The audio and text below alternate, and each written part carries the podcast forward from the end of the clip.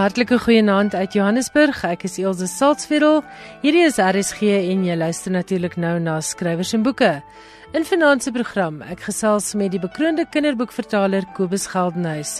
Johan Meiberg is in die ateljee met sy gereelde insetsel oor die internasionale letterkunde en ons spring sommer dadelik vanaand weg met Suzette Kotse Meiberg se tweede onderhoud met Abraham de Vries, die bekroonde en baie geliefde 60er wat veral bekend is vir sy kortverhale. Suzette het verlede week reeds met Abraham gesels en vanaand luister ons na die tweede deel van hulle gesprek. Bram, nou wil ek so 'n bietjie gesels oor jou akademiese lewe en meer die literêre aspekte van jou werk. Jy het by die 30 titels gepubliseer, die meeste daarvan kortverhale. Het jy op 'n stadium besluit jy gaan jou toespits op die kortverhale? En jong, dis dis dis dis is eintlik verskriklik eenvoudig. Uh ek weet nie ek ek het ek het speelverhale ook geskryf. Ek weet nie hoe 'n mens 'n verhaal kan vertel wat 400 bladsye lank is nie.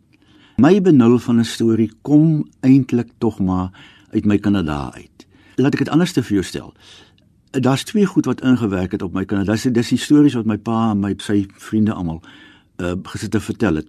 Maar maar dit was ook die tyd wat ek vir die eerste keer uh, CM van Heever se kortverhale ehm uh, gelees het. In die twee het omtrent volmaak by mekaar aangesluit.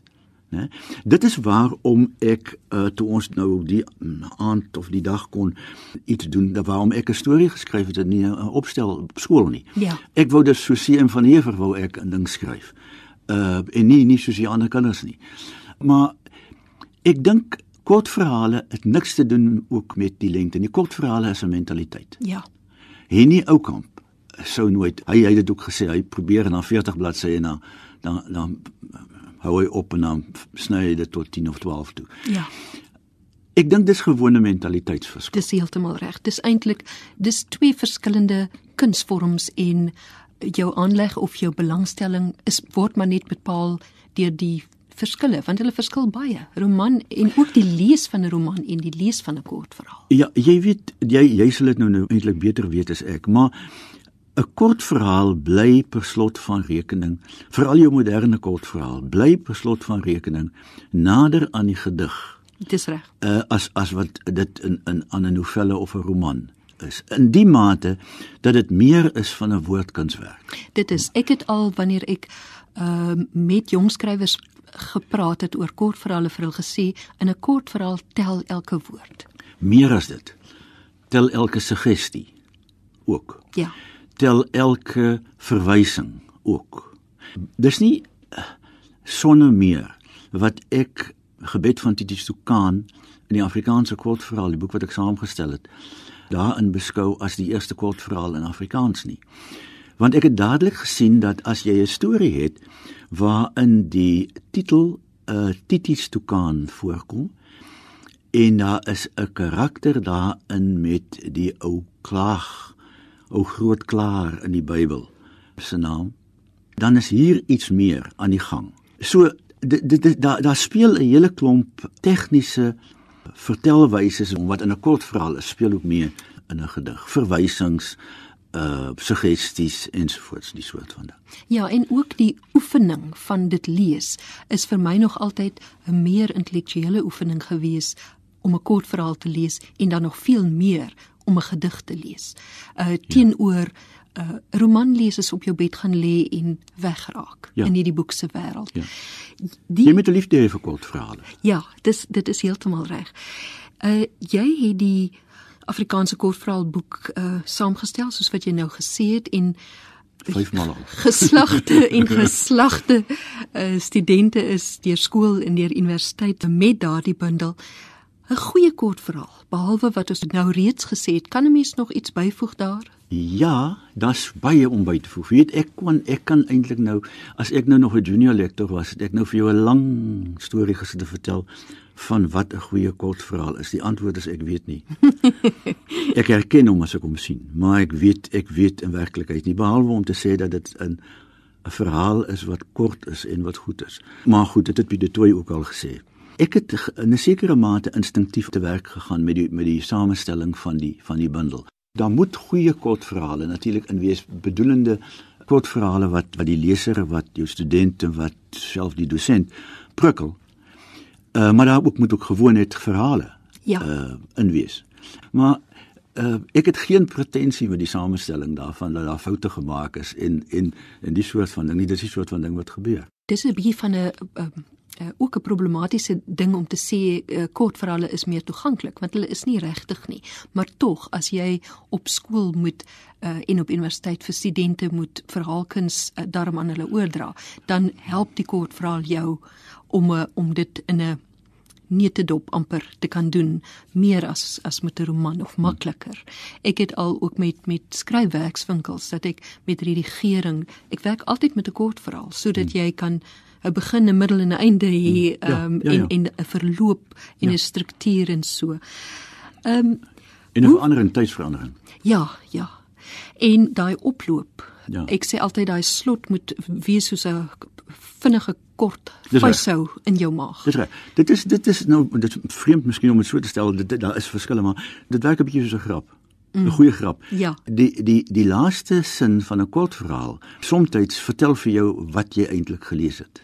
Ja, jy het daai mooi uh, gesegde van die slot moet ook 'n sleutel wees Ja, om die verhaal op te sluit. En daai daai haal ek baie aan want dit is so goed uh, saamgevat. Vir jouself, die skryfproses, is dit maklik? Is dit moeilik? Dis 'n herhaling. As jy nie die lus het om 'n ding oor te skryf nie, dan gaan jy probleme ondervind. Ek het al kort verhale, het ek al 8, 9, 10 maal oorgeskryf. My vrou vra altyd vir my, "Waarom jy's al wat weet wat daar gestaan het?" Né? Die, die ons wat dit daarna lees, eh, die weet dit nie. Nou, hoekom publiseer jy dit nie en kry klaar nie? Hoekom verander jy aanhoudend? Maar dit dit dit is dit woord. Henny het op 'n keer gesê jy is altyd jou eerste kritikus en jou eerste kritikus moet die die die Strengste, die strengste wees. die strengste kritikus wees. Dis soos 'n ek sien dit altyd soos 'n beeld eh, van hout en die beeldhouer wat daai beeld uitkerf en Ja. jy kan nie stop voor die beeld nie afgewerk is tot waar hy moet afgewerk wees nie. En uh, op hom op 'n man het tog erns gelyk gehad met engele uit die klip. Ja, absoluut. Jou storie idees, waar kry jy hulle? Oral. Oral. Letterlik, letterlik oral. En is gewoonlik goed wat mense sê en wat hulle hoegenaamd nie so bedoel nie.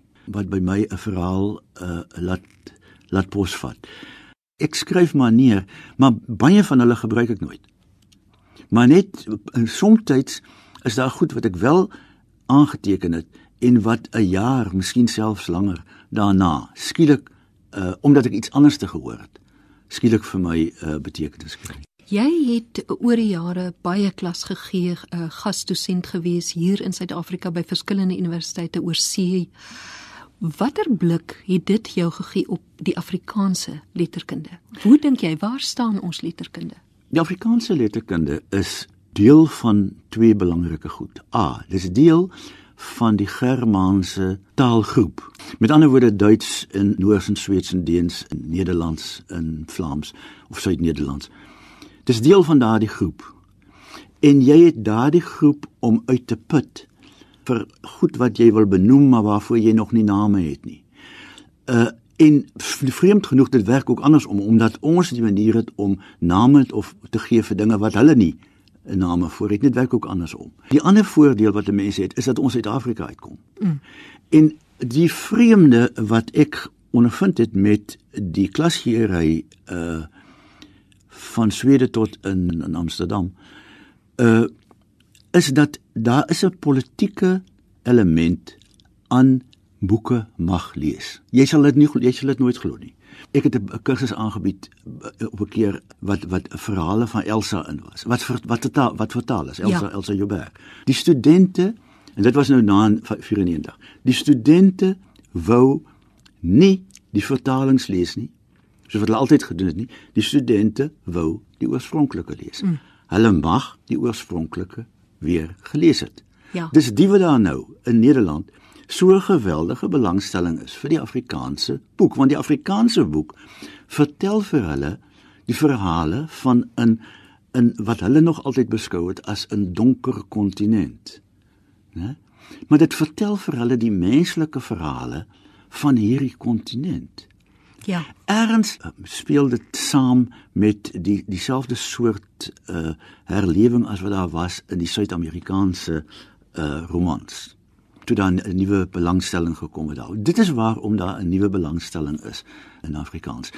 Uh dit verbaas my nie. Ek het meest al oor die kort verhaal ek lesings gegee, maar ek ek het op 'n keer in Amsterdam het ek 'n uh, paar lesings aangebied oor Adam.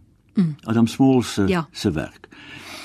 En ek moes uh, uh elke agtermiddag moes ek ekstra lesings inwerk om Small se Kaaps te vertaal in Nederlands. Ja. Né? Tot ons 'n ding uitgevind het. Maar dit is ontsaglik veel verwant aan Jordanes. Jordanes, Jordaans is die werkersvorm of het die werkers uh uh, uh uitsprake en so wat van van Nederlands. En en in Adam se Kaaps is vergelykbaar met met Jordanes. Dit is studente dit snap. Né? En dat dit verdraaiings is goed party slaaf van dat Engelse woorde is wat hy invoeg. Kon hulle dit maklik lees, né? En dit was vir hulle 'n ongelooflike heerlike ondervinding. Die Afrikaanse taalstryd. Wat is jou siening daarvan? Ek verstaan dan niks van nie. Ek verstaan nie hoe universiteite so betrokke kan raak in politiek, want dit is wat dit is. Dat hulle 'n 'n taal om politieke redes verminder nie. Ek begryp nie die manier waarop die mense redeneer nie. Uh ek probeer dit begryp. Uh ek probeer in ag neem wat al die die die moderne probleme is en ek weet daar nog niks van nie. Die enigste wat ek kan sê is dat ek dink dat hulle sal later skaam wees daaroor. Mm. Ek het min twyfel dat hulle sal skaam wees daaroor. Ek het min twyfel dat hulle kinders vir hulle skaam gaan maak daaroor, omdat hulle kinders op 'n stadium die boeke gaan lees nou waar teen pa gestem het dat dit maar verder mag ontwikkel die in die die die soort van ding. Dit is die een die die een. Die tweede ding is uh ek ek dink 'n mens moet besef dat dit nie net by universiteite is wat daar 'n 'n probleem is in verband met met taal nie. Daar is ook uh probleme in verband met met Afrikaans, spesifiek Afrikaans. Wat betref sulke goed soos byvoorbeeld uh boeke, koerante. Wat betref sulke dinge soos tydskrifte. En dit is 'n ewig groot uh probleem in in 'n oorgangstydperk. In 'n oorgangstydperk wat wat mense probeer oorbrug met e-pods en met met met die soort van moderne middele. Ja. Ek is hoegenaamd nie nie nie daarteen nie. Ek weet net nie, ek weet ek kom van die kleiner of ek weet nie hoe jy 'n hoender kan toedraai in 'n e-pod nie. maar dis sommer net 'n grap.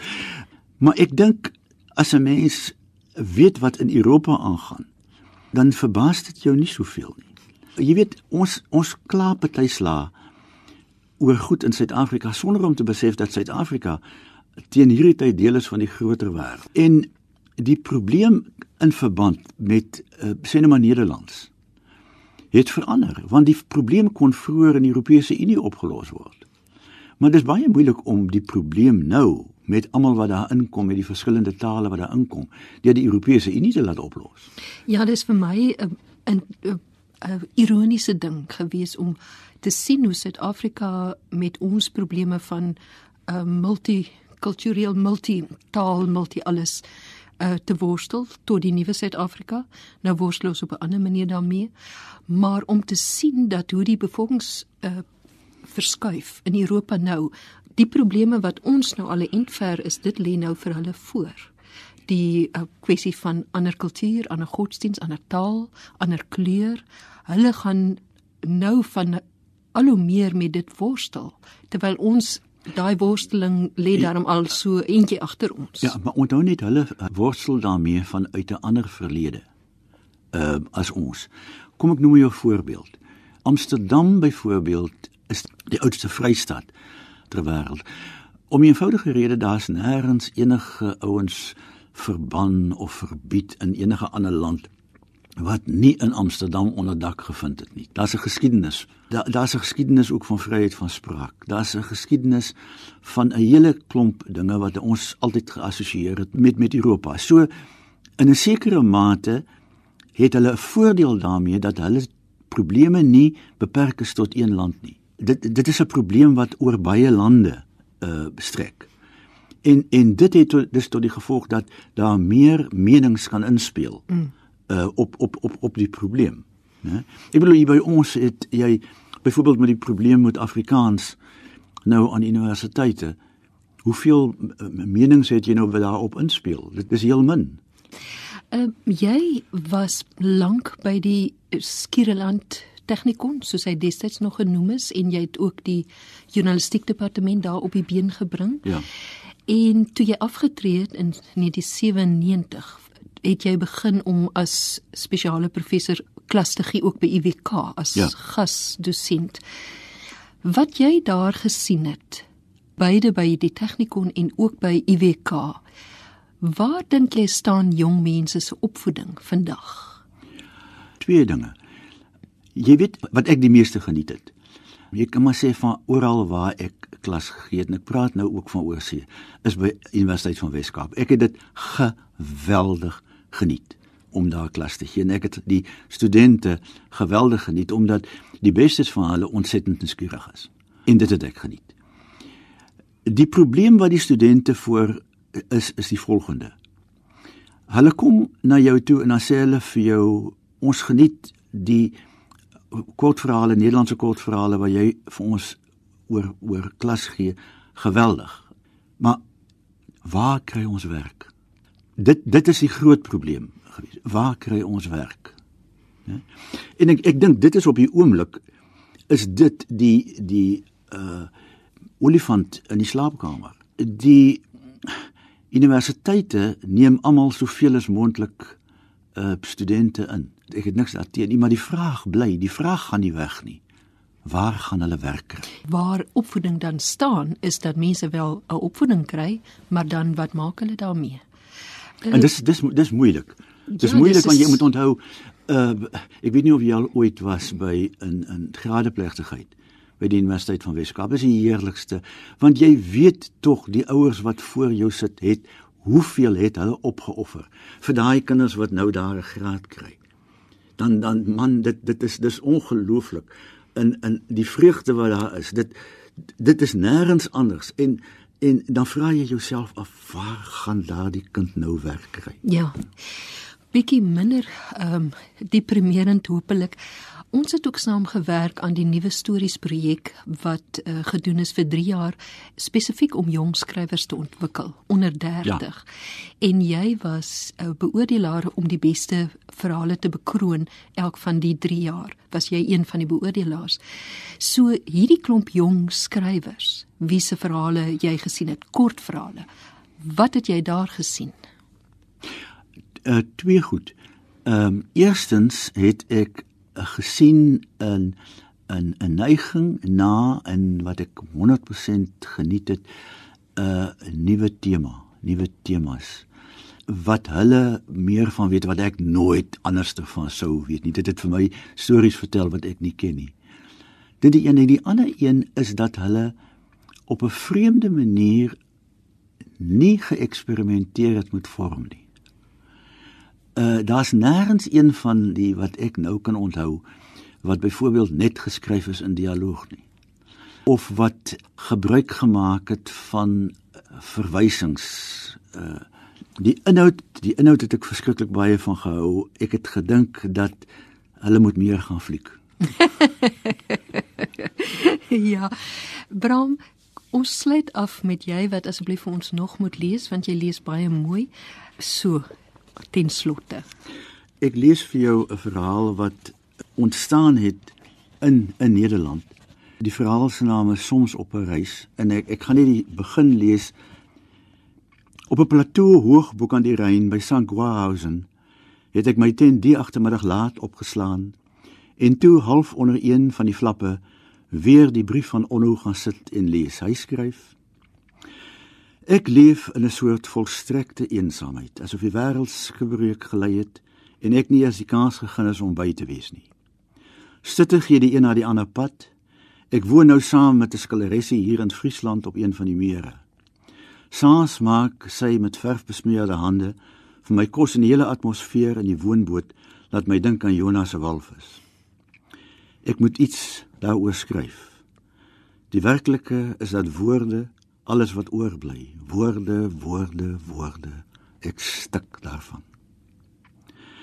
Selfs onno In Amsterdam terwyl ek besig was om 839,3 839,36 en nog klassifikasienommers en trefwoorde op klein stukkies gompapier te skryf en agterop die norsre van die boeke te plak, het ek gevoel hoe die buitebande van die boeke met my wit jas saamsweer. Hulle, die dinge, gemeensaam by mekaar passend stom teenoor my, die vreemdeling. Die wêreld het weer betekenisloos geword. Ek het my soggens gewas, geskeer, aangetrek, deur die ritueel van ontbyt geploeter en daarna vir die tram gewag, maar in werklikheid kon dit my min skeel of ek Dewey nommers op die boeke plak of stukkies koerantpapier of die tram betyds is en of ek 'n uur moes wag. As ek ooit 'n uur moes wag, sou ek teruggegaan het na my kamer toe en die res van die dag nie by die biblioteek opgedaag het nie. Maar dit het nooit gebeur nie. Ek was elke oggend betyds by die instituut en elke middag het ek na die winkel op die hoek van die gracht gegaan, 'n pakkie sigarette gekoop en weer teruggery kamer toe. Baie dankie, Bram. Dit was Suzette Kotse Meiburg in gesprek met Abraham de Vries. Ek is Elsje Salzveld en ek gesels nou met die kinderboekvertaler Kobus Geldenhuis. Nou as jy klein kindertjies of selfs tieners in jou huis het, dan sou jy al te doen gehad het met die Afrikaanse vertalings uit Kobus se pen. Hy was onder meer verantwoordelik vir die vertalings van die Harry Potter reeks in Afrikaans en het nou vir NB Uitgewers 'n splinter nuwe klomp vertalings gedoen van Roald Dahl se ou gunstelinge. Uh onder meer die Twakke, fantastiese meneer Vos, Charlie en die sjokoladefabriek, Charlie en die groot glashuiser, Matilda en James en die reuse perske. Nou dit het hy vir NB Uitgewers gedoen om saam te val met die wêreldwye vieringe van Roald Dahl se verjaarsdag. Hy sou hierdie jaar 100 jaar oud gewees het en die amptelike feeste is op die 13de September. Maar ek het nou die dag hierdie lieflike reeks boeke by NB Uitgewers gekry. Pryse wissel so tussen 135 en 155 rand en dit is 'n absolute fees vir die oog en beslis iets wat jy vir jou jonger kind kan aankoop. Ek reken die afsny ouderdom is miskien so hier by 12 jaar oud, maar ook vir volwassenes wat lief is vir Roald Dahl, jy kan gerus ook hierdie boeke aanskaf. Kobus Geldenhuys, baie welkom by Skrywers en Boeke en baie dankie dat jy vanaand met ons gesels. Dankie vir jou. So vertel vir my hoe word 'n mens 'n kinderboekvertaler want jy doen dit met soveel passie dat ek net kan dink dit is iets wat jy geniet om te doen. Weet jy, eh, sonder om nou konie te klink, die goeie gebeure in mense se lewe. As kind het ek nie vreeslik baie gelees nie, maar toe my kind gebore word, het ek nou al ouer gewees en dit was vir my ongelooflik lekker om hom stories te lees.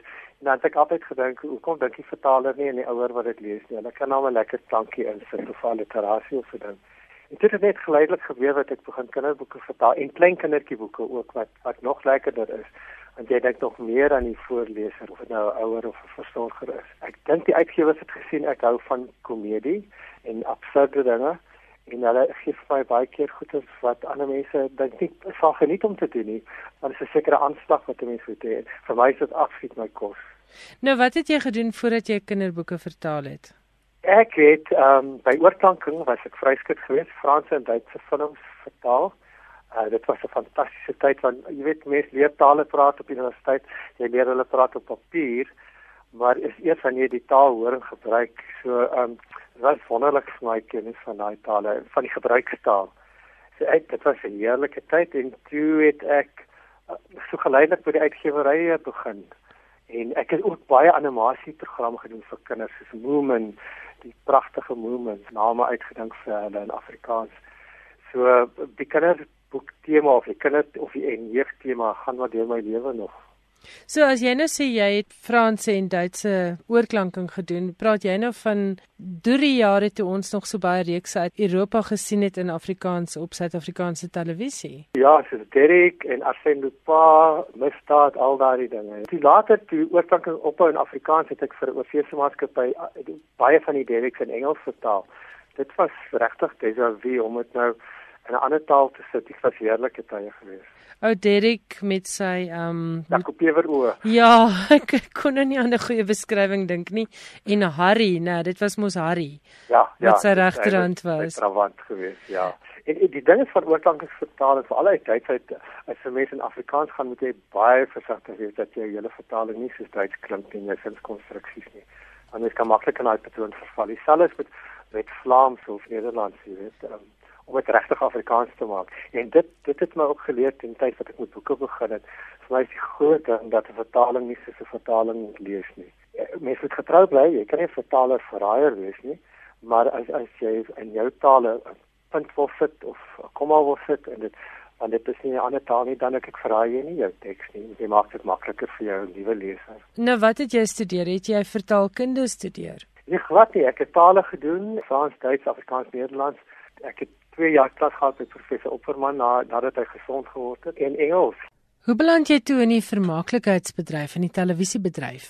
O, ek het by Babs Lyker die wonderlike Babs Lyker die ADK drama klasse gedoen. Ek het dit baie geniet. Ek het nou nie drama swat by die universiteit nie. En sy het vir my gesê want ek soek vertalers. Dit help altyd as jy in 'n medium werk en jy ken die hele medium. Al daardie goed wat ek wou geleer het, help my om CP te skryf want jy weet van dialoog, ehm um, wat dit van 'n akteur verg om om sekere sin te gee en hoe om dit te sê. Jy weet as jy vir hierdie lang lang sinne vol kommas gee, met die arme mense dit opbreek terwyl hulle dit nog leer op die woorde. Voordat ons verder gesels oor jou kinderboekvertalings, vertel vir ons van jou werk in die sepie wêreld.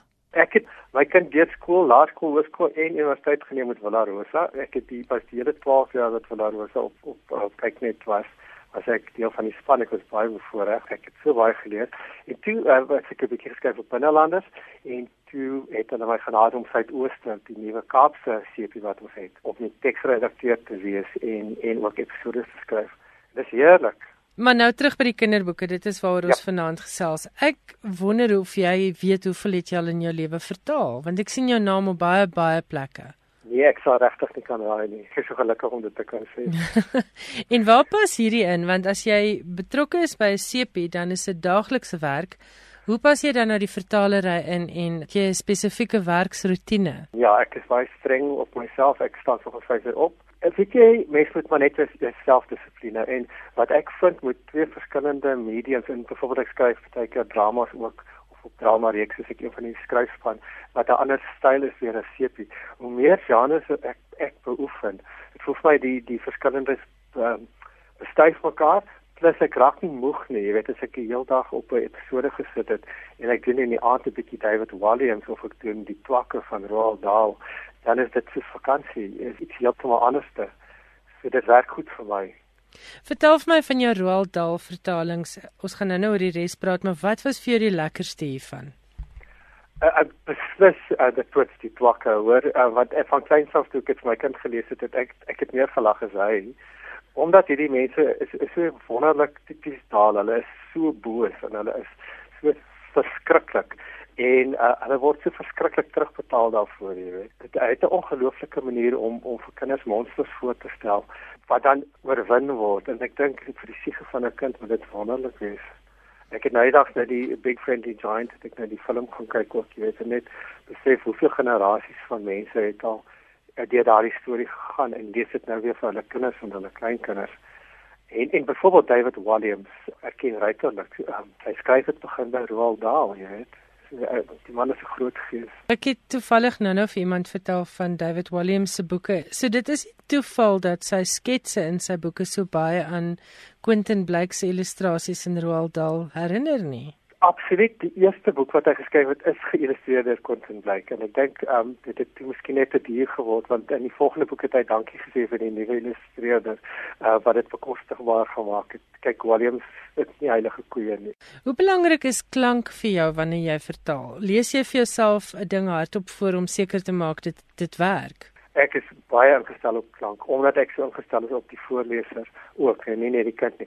En byvoorbeeld in How to Train Your Dragon werk die skrywer baie met alliterasie en die oorspronklike het jy alliterasie en, en jy kan vir jouself die uitdaging gee om om dit vas te vang in die vertaling ook. En ook met kinders in jeug, jy weet, as jy hierdie klanke en onomatopee en die goeters inwerk, dis onbewustelik sonder dat jy dit van hulle leer, sien hulle en lees hierdie dinge en dit gaan sit in die onderbewussyn. So ek geniet dit baie. Jy het vroeër vir my 'n staaltjie oor jou pa vertel wat altyd kinderlik en kinderagtig aan jou getoets het, maar dink jy dit help om 'n jong gees te hê wanneer jy met kinderlektuur werk? Weet jy, ek kan nie namens ander mense praat nie, maar vir my definitief. Ek geniet dit hierdie kinderboeke ontsaglik. Dit is vir my so spoeding en ek verkleekel my in wat die skrywer doen. En ek praat spesifiek van Williams en uh, Cressida Cole van die Drake en dan absoluut raar daar wat die wat die beginpunt van dit alles was. As jy J.K. Rowling vertaal wat het ek ook gedoen met die Potters, is dit 'n hele ander soort saak en dis nie kleuters nie, dis nie jong kinders van tien wel party van hulle lees dit, maar dis ouer kinders en die hele sinskonstruksie en alles verskil. Ek is nou besig met 'n boek Beetle Boy wat reg oor die wêreld opspraak verwek. En weer eens die vrou skryf sulke wonderlike dialoog wat dan nou vir my kos is uit my ander agtergrond uit. So die skrywers besef al meer, jy weet, kort kort kragtig. William se hoofstukke is kort. Die klakke ook, het daal al ewe se tyd so ver vooruit. Kort hoofstukke, ehm um, nie altyd vol sinne nie, 'n woord is 'n sin, jy weet. Mm, mm. Dit het werk vir jong mense en vir my. Jy het ook 3 baie gesogte pryse gekry. Jy's op die IB ere rol geplaas vir jou vertalings van kinderboeke. Dan het jy die jaar die uh Elsabie Steenberg prys gekry van die Akademie vir Wetenskap en Kuns en dit was vir jou vertaling van Cressida Cowell se boek uh nog een van die drake boeke en jy het dit vertaal as hoe om drakonees te praat en dan hierdie jaar is jy met die Alba Bouwer prys bekroon vir hoekom die walvisse gekom het. Hoe voel jy oor pryse? Is dit waarvoor jy werk? definitief nie. Jy weet om om 'n prys te wen vir iets wat jy so geniet, dis wonderlik. Dis absoluut 'n groot eer, maar ek, nee, ek, ek dink nie aan pryse nie. Ek dink ek is totaal neuroties oor om die boek reg te kry. So so iets gaan nie deur my kop nie.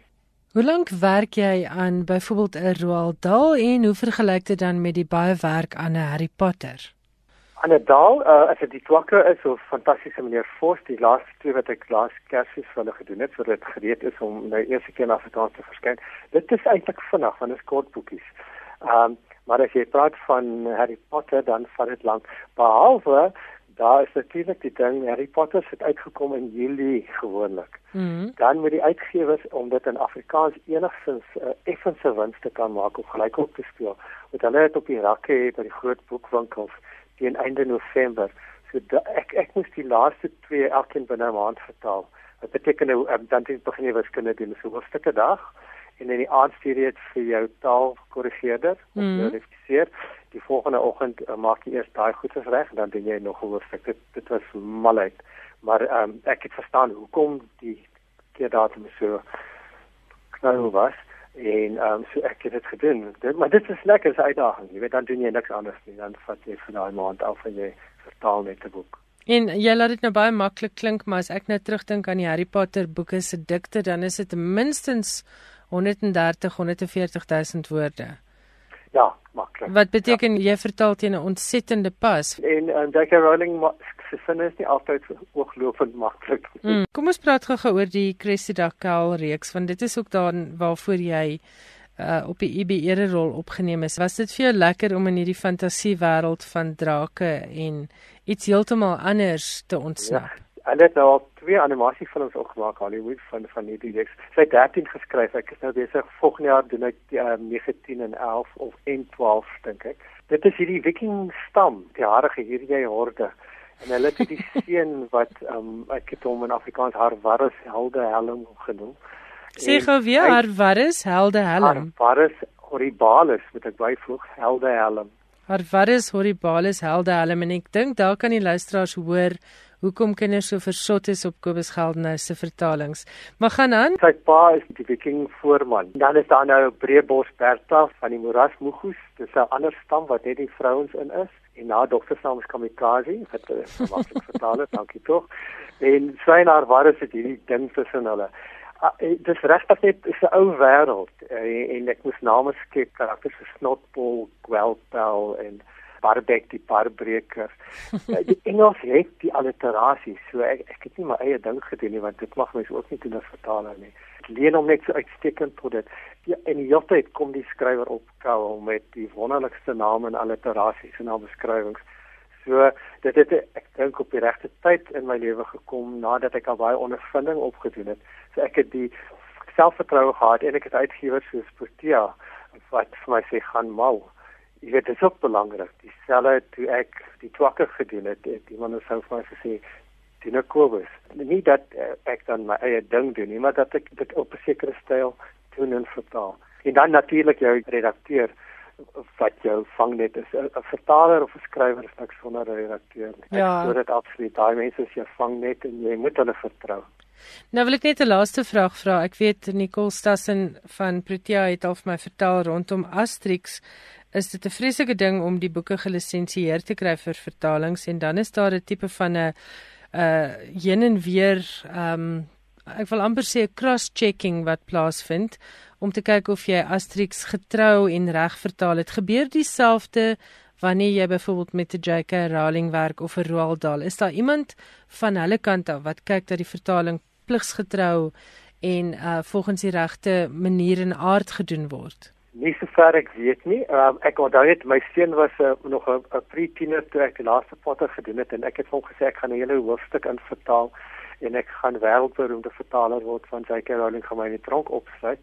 Ehm um, maar dit ek voel later gesien maar so sal dit die Afrikaans verstaan. So sover ek weet, het hulle nie so kwaliteitskontrole nie, maar dit is die uitgewer en die redakteurs wat wat nou keurig, nou keurig dit nagaan. Dit sou nie in hulle belang wees in elk geval as 'n mens net wegvertaal soos wat ons sê.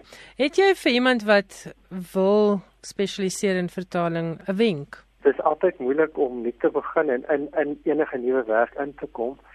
'n Mens moet maar lees en self vertaal, kyk hoe goed jy is en wat jy kan skaaf van jouself voordat jy toets doen en jou vertaling wegsit. Ek ek glo absoluut in skryf as herskryf, vertaling is hervertaal.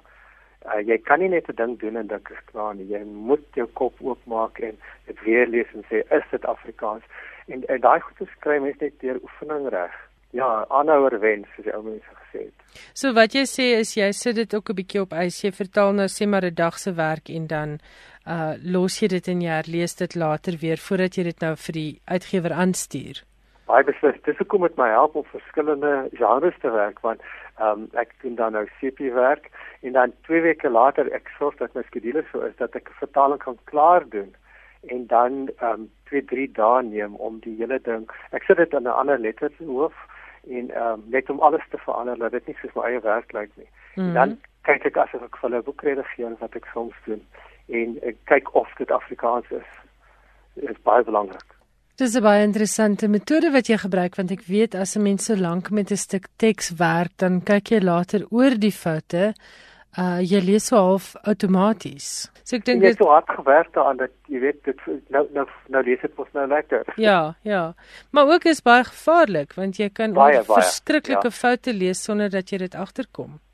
Soos wat mense oor staalfoute lees. Ja. Gelukkig is daar nou staal check wat mense ook nie altyd kan vertrou nie. Maar nee, dit is baie belangrik vir my.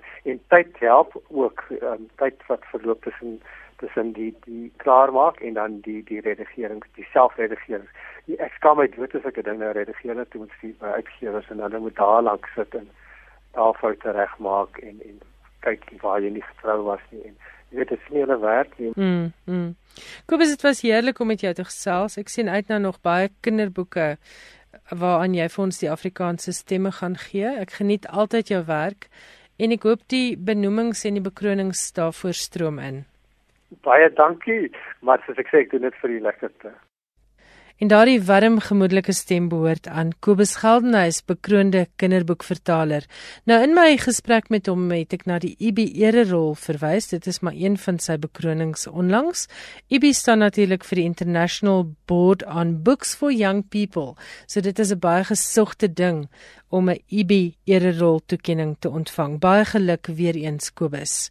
So op die onderwerp van vertalings, ek het nou met al die vieringe van Nelson Mandela se verjaarsdag sommer bietjie gedink oor sy biografie A Long Walk to Freedom en ek was nuuskierig om te sien hoe wyd word hierdie boek gelees.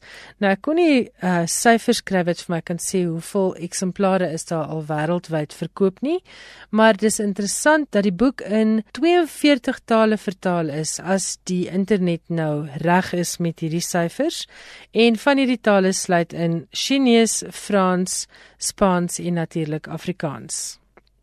Jy luister na skrywers en boeke. Ek is Elsje Salzwetel en nou is dit tyd vir Johan Meiburg met sy gereelde weeklikse insetsel. Johan Meiburg, baie welkom terug in die ateljee. Jy het vanaand vir ons nuus oor 'n Suid-Afrikaner wat die Kyn-prys vir letterkunde gewen het. Dis reg. Dit is Lido Du Malingani Mkomboti, die Suid-Afrikaanse skrywer wat onder die naam Lido Du Malingani skryf. Hy's onlangs aangewys as die wenner van die 2016 Kynprys vir skryfwerk uit Afrika. Die prys word jaarliks toegekend aan die beste kortverhaal uit die vasteland. Lidudu Malingani het die prys ingepalm met sy kortverhaal Memories We Lost. Die storie van 'n meisie wat as beskermer van haar suster optree. Die suster se ernstige geestesongesteldheid veroorsaak konsternasie in die klein dorpie waar sy woon. Haar toestand versleg en Nkuzi, 'n inwoner wat van tradisionele tegnieke gebruik maak om van duiwels ontslae te raak, neem die suster onder sy sorg. Delia Jarrett Mkoli, sameroeper van die beoordelaarspaneel, meen die verhaal takel 'n moeilike onderwerp met heelwat simpatie en beskryf hoe tradisionele geloof in 'n landelike gemeenskap omgaan met skizofrenie. Nietemin is dit die liefde van die twee susters wat die leser bybly. Die prys genoem na Sir Michael Harris Kane, voormalige voorsitter van die Booker Groep, is in 2000 ingestel en is nog net twee keer deur 'n Suid-Afrikaanse skrywer ingepalm. In 2006 toe Mary Watson dit gewen het met haar kortverhaal Jongvrou en weer in 2008 toe Henrietta Rose Innes se kortverhaal Poison vir haar die prys besorg het. Die ander vier benoemdes vanjaar was Abdul Adan van Somalië en Kenia vir die kortverhaal The Life Bloom Gift. Leslie Ngeka Arima van Nigerië vir What It Means When a Man Falls from the Sky. Tope Folarin van Nigerië vir Genesis en Bongani Kona van Zimbabwe vir At Your Requiem. Lidudu Malingani se kortverhaal Memories We Lost is gepubliseer in Incredible Journey Stories That Move You, verlede jaar uitgegee deur Benet Media. Die Ooskaapenaar is benewens skrywer ook rolprentmaker en fotograaf. En afgesien van verhale skryf hy ook nie fiksie en resensies. Die kortverhale op die kortlys vir die Kynprys, tesame met 12 ander kortverhale wat geskryf is op die Kyn pryswerksessie in Zambië vroeër vanjaar word in die bloemlesing The Daily Assortment of Astonishing Things and Other Stories hierdeur Yakana Media uitgegee. Die boek kos R180. Die eerste uitgawe van James Joyce se Portrait of an Artist as a Young Man is 100 jaar gelede in 1916 gepubliseer. Die boek word alreeds beskryf as een van die belangrikstes in die westerse literatuurgeskiedenis. Dit was Joyce se eerste roman nadat sy digbundel Chamber Music in 1907 verskyn het en die kortverhaalbundel Dubliners in 1914. Portrait of an Artist is die verhaal van die religieuse en intellektuele ontwaking van 'n jong man, Stephen Dedalus, 'n fiktiewe alter ego van Joyce met 'n verwysing na Daedalus, die kranige vlerkmaker uit die Griekse mitologie. Die jong Daedalus in Joyce se boek kom in opstand teen die rooms-katolieke en Ierse konvensies van sy tyd en hy verlaat Ierland in selfopgelegde ballingskap en gaan woon in Europa. Die boek het die kern van al die modernistiese tegnieke wat later in Ulysses en Finnegan's Wake deegliker uitgewerk is. Om die publikasie van die mylpaalboek te gedenk het die Britse koerant The Telegraph Sondag 'n artikel geplaas deur die Sweedse skrywer Karel Ove Knuskor oor sy ervarings van Portraits of an Artist. Sy eerste kennismaking met die boek was op 18, sê hy. En later toe hy 'n opstel moes skryf oor Ulysses, het hy Portrait of an Artist as a Young Man weer gelees en 'n heeltemal ander ervaring van die boek gehad. Hy skryf: "Waar Ulysses verstrooi, maak Portrait of an Artist alles bymekaar. Waar Ulysses eendag in 'n enkele stad beskryf, beskryf Portrait of an Artist 20 jaar uit 'n lewe." En dan gaan hy voort en roep die gevoel van die boek op. Die deurnat skoolgebou in die skemer, die alomklinkende kinderstemme, die klank van 'n voet wat 'n bal skop, die reuk van 'n koue kapel in die preweling van gebede. Die boek gaan oor die manier waarop identiteit tot stand kom, skryf Kneskor, oor die omstandighede wat ons vorm en maak wie ons is. Dis min of meer dieselfde goed wat ons almal beleef het. Ons word in 'n familie gebore. Ons leer 'n taal aan wat ons deel met ons gemeenskap en waarin ons onsself uitdruk. En dan skryf Kneskor die volgende: Nietemin is ons nie net die tyd waarin ons leef nie. Ons is nie net ons taal nie, of ons familie, of godsdiens, of land, of kultuur nie. Ons is dit, maar ons is meer as dit. Ons is ook individue wat sin moet maak van die goed.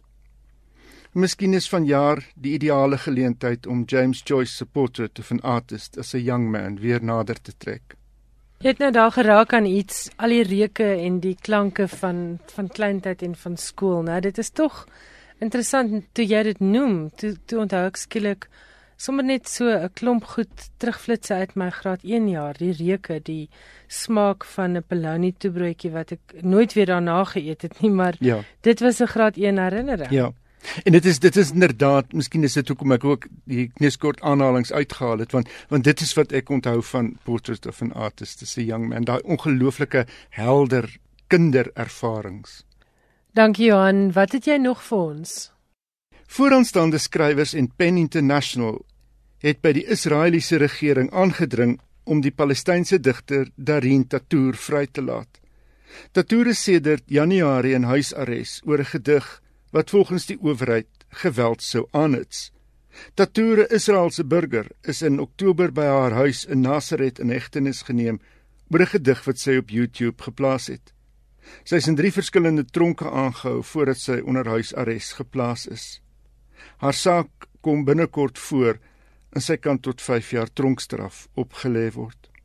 Johan ek het vanoggend toevallig op Twitter gelees uit 'n internasionale koerant. Daar's 'n Egiptiese skrywer wat uh vir 4 jaar aangehou word oor onsedelikheid in Dis een reg. van sy boeke. Dis reg ja. En Pen het ook 'n beroep gedoen En het ook daaroor 'n beroep gedoen dat dit onsinnig is om hom aan te hou op ten opsigte van onsedelikheid. wat vir my baie interessant is en baie kommerwekkend is, is hoe vryer ons samelewing veronderstel is om te raak, des te meer konservatief raak sekere uitkyke en uh skrywers wêreldwyd kry al hoe swaarder om hulle vryheid van spraak Mense te hoor al meer en meer van van van skrywers wat doodgemaak word, wat opgesluit word, wat onder huisarrest geplaas word. En ek dink dit is hoekom ons in Suid-Afrika harder as ooit tevore moet bly veg vir persvryheid. Ek dink uh, as dit sneuwel is dit die begin van die einde. Ek dink ek dink so daaroor dat dat persvryheid soos vryheid bestaan nie. Jy moet die hele tyd jou daarvoor beywer. Ja, en dit is 'n konstante Dit is 'n stryd. konstante stryd. Ja. Wat het jy nog vir ons? Met die herdenking van Roald Dahl se geboortedag 100 jaar gelede wat op 13 September 'n hoogtepunt bereik veral in Wallis, het 'n uitstalling van tekeninge uit sy boeke deur Quentin Blyk pas by die Nasionale Museum in Cardiff begin. 'n Nuwe hardebandboek oor Blyk se illustrasies vir Dahl se boeke het ook pas verskyn. Dis geskryf deur Chislin Kenyon en die titel is Quentin Blyk in the Theatre of the Imagination. Die boek met meer as 200 tekeninge en fotos word uitgegee deur Bloomsbury. Steven Spielberg se rolprentweergawe van BFG, Dahl se verhaal van Sophie wat vriende word met 'n groot vriendelike reus, word ook binnekort wêreldwyd uitgereik. Dit sluit nou lekker aan by my gesprek so bietjie vroeër in die program met Kobus Geldenhuys wat van die nuwe opgawe van NB se Roald Dahl boeke vertaal het. En toevallig het ek en jy nou nog gekyk na Quentin Blake se pragtige inderdaad het hulle Quentin Blake se illustrasies behou. En dis half tydloos nou. Ja, dit is inderdaad. so half sinoniem ook met Roald Dahl. Ek kan dit nie met iets, ja. En ek sien ook nou toevallig terwyl ek nou na die boek se agterblad kyk, hier staan deur hierdie boek te koop het jy 'n ander kind gehelp. 10% van alle Roald Dahl inkomste word aan liefdadigheidsorganisasies geskenk. En dan verwys hulle mense na die webwerf www.roalddahl.com. So dis 'n wonderlike inisiatief. Nie net kry jou eie kind die kans om hierdie boek te geniet nie, maar deur dit te koop, help jy ook in die proses ander kinders. Johan, baie dankie. Ons gesels weer volgende week. Met Johan Meiburg se insetsel het ons dan aan die einde gekom van hierdie week se skrywers en boeke. Baie dankie dat jy saam geluister het. En ek hoop jy het al jou kaartjie bespreek vir ons boekbekendstelling die 2 Augustus in Stellenbosch. Dan gesels ek regstreeks op die lug met Dion Meyer oor sy splinternuwe roman Koors. Die datum is die 2 Augustus, dit is die Dinsdag aand net voor die verkiesing. Die plek is die Drostdy Theater in Stellenbosch. En die direkte uitsending is tussen 8uur en 9uur soos gewoonlik, maar die program by die Drostdy Theater begin reeds om 07:30. Die kunstenaars is Lize Beekman en Jaconel Meton, terwyl Zoe Brown vir ons gaan voorlees uit koors. As jy jou plek wil bespreek, onthou dit kos R120 per persoon as jy dit daar by die Drostdy Theater wil bywoon, en jy kan hulle bel by 087 943 2459. En vir die mense wat by die huis na ons gaan luister, dit is heeltemal verniet. Jy sorg dat jy net 8uur die aand die 2 Augustus op RSG ingeskakel is. As jy van jou wil laat hoor, die SMS nommer is 34024 en die e-posadres is skrywers en boeke by rsg.co.za. daarmee groet ek Elsje Salzwetel tot volgende Woensdag aand om 8uur net hier op RSG. Totsiens.